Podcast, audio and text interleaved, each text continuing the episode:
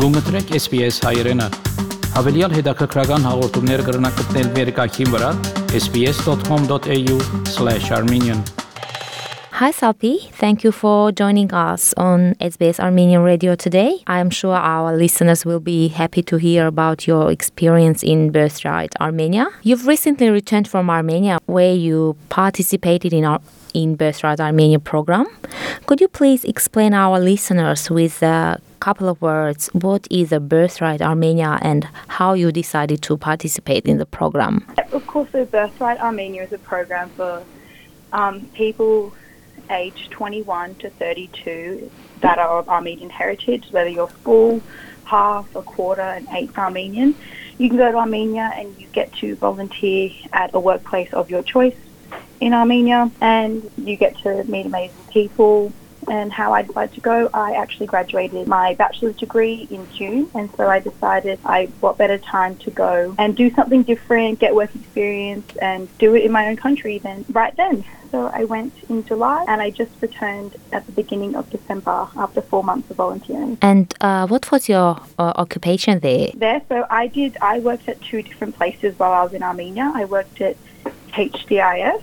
They are an organisation that makes little ha- that employs women in different villages of Armenia to make little handicrafts. So they crochet, they sew, they knit, they do all these kinds of stuff, and then they export these and they sell these to like over the like across the world. That was the first place I worked. I worked there for two months. I was just helping out with general admin and stuff that needs to be done in the office. Um, the second place I worked, I worked for Jinishian Memorial Foundation. So they are a company that works with developing the social and economic good in Armenia. So I was there to start and work at a project to develop the town of Sevan. So they're trying to get more into the tourism sector because in Armenia, they a lot of tourism and development has been done in the few main cities, so Yerevan, Gyumri, Dilijan, stuff like that. But a lot of these really small cities haven't been touched. So they're trying to work in the small cities. So we were doing it in the town of Sevan, and I was just doing research on potential tourism activities we could do there. So we were thinking about doing a museum there. So what I did was I did research. I spoke to different people. I held interviews with tourist agencies, did interviews with local Armenians and diasporans to see what they would like there, just to develop it so to increase economic and social prosperity in that city itself, as well as increase the tourism in Armenia. You moved there during really a hard time for Armenia, the war and the COVID situation in Armenia. What was uh, your first impression of motherland? So yes, I did. I did go there during a really hard time, but um, you have very different perspectives there. I made sure that I spoke to a lot of local people around there to see what their thoughts were, see how everything was for them. COVID there, it's not, it's a very bad issue there, but for them, they have bigger issues to them than COVID. So COVID, it was okay, but a lot of people had it, but they had bigger issues that they were more concerned about. And with everything happening with the war last year, people were, obviously there were still lots of days of sadness, but as a lot of the locals said to me that our boy fought for us, died for us, for us to live in a happy, healthy, independent Armenia. And they wouldn't want us to be sad and not experiencing the life that we should. So there was a lot of happiness still, but there was also a lot of sadness. Everyone was still mourning. I was there for the first Independence Day since everything happened. I was there for the one year anniversary. So there was lots of mourning, marches, commemoration, but everyone was still in good spirits. Although sad, they were in good spirits in the thinking of the memories of their fallen children, brothers. And what was your most cherished memory from Armenia? Um, my most cherished memories is doing the little things that you wouldn't do when you would go there on a three week holiday as a tourist, being there for a longer amount of time meant that you could do more things. You could go to, you could spend more time in different towns, cities, villages, talk to different kinds of people. You were just, you were open to a bigger variety of things to do, people to see, places to go. And so it was great talking to, you have more of a chance to talk to the locals, interact with them, whether it's through your workplace or through um, meeting people. And so you talk to them and you would hear their perspectives instead of just going and doing your classic tourist things. And you would have more time to spend a weekend in this city and go to a different city and do different activities, see different things, um, and just meeting people in general. I think some of I made great friends through my workplaces, like through my workplaces that I will be friends with for a very long time that I still keep in contact with, and I will definitely go back and visit them, and as well as meeting the diasporans from around the world as, as well. Always great to know Armenians from other places and see how you guys differ and how you guys are similar. And it's always nice to feel like you have a community outside of where you live. What were the most obvious differences from Australia? The most obvious difference I would probably say is the different ways, different lifestyles. And it does take a little bit of adjusting to get used to these different lifestyles. Obviously, everyone's really used to the way we live here, but in Armenia, it works a little bit differently. It's nothing hard, it's nothing bad. It's actually quite nice. It's very nice. Nights end later, their days start later compared to us. Their, their work ethic is very different. They factor in a lot more socializing time when you get into the office. You There's like 30 minutes to chat, talk to everyone, catch up on everyone's lives and stuff like that. And just the way people interact interact is very different to the way people interact in Australia. And it's different, but it's honestly, it's amazing. I loved it so much. A great experience. It's great to see. And it's something I could definitely get used to and do in the future. Could you please uh, tell our listeners about host families?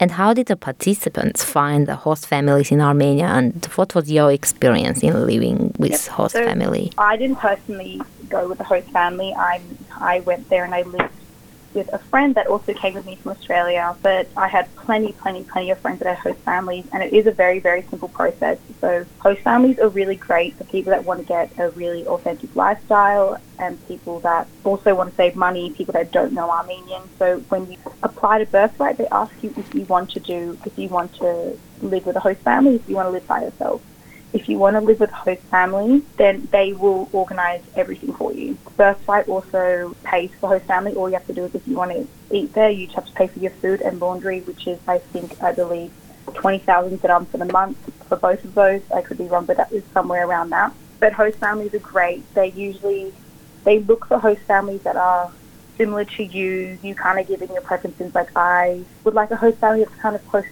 the city, and I would love if there was children, like there were people my age there, and they take that into account. And the host families are amazing.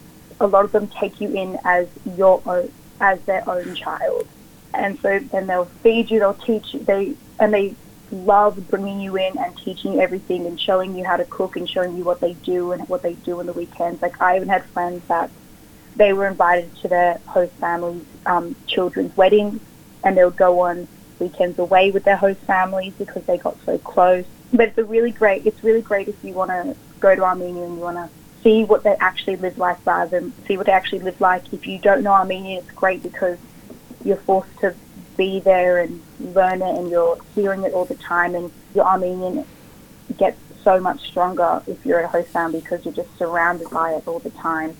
But it's a very, very easy process. You do it. Birthright will set, Birthright will organise everything for you.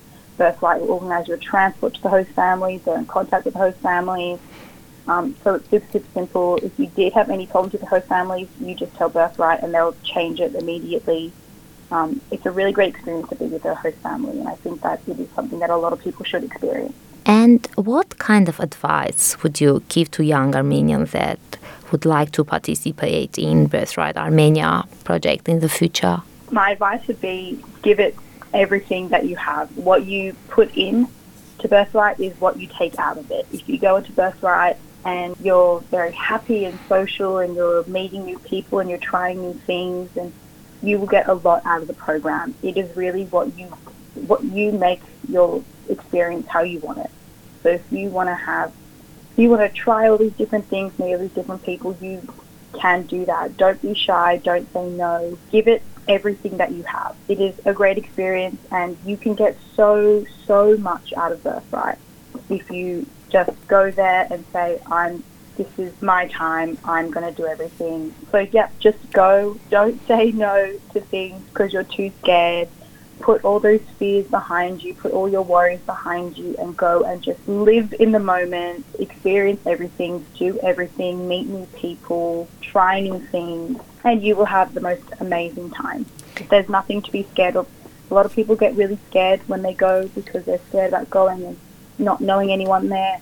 So you have to remember that everyone is in your situation. Everyone's going there with by themselves without any friends. So everyone's there and they're excited to meet people. They're excited to make friends. They're excited to experience Armenia. For a lot of people, it is their first time going to Armenia. So they want to do everything and see everything. So you're not alone, and you also have, if you ever have anything, any hard times, you always have Birthright staff to help you, and they are absolutely amazing. So just go there and enjoy it, embrace everything, and just make it what you want it to be. I do think Birthright is really, really an amazing opportunity, and you can really customize it to how you want to do it.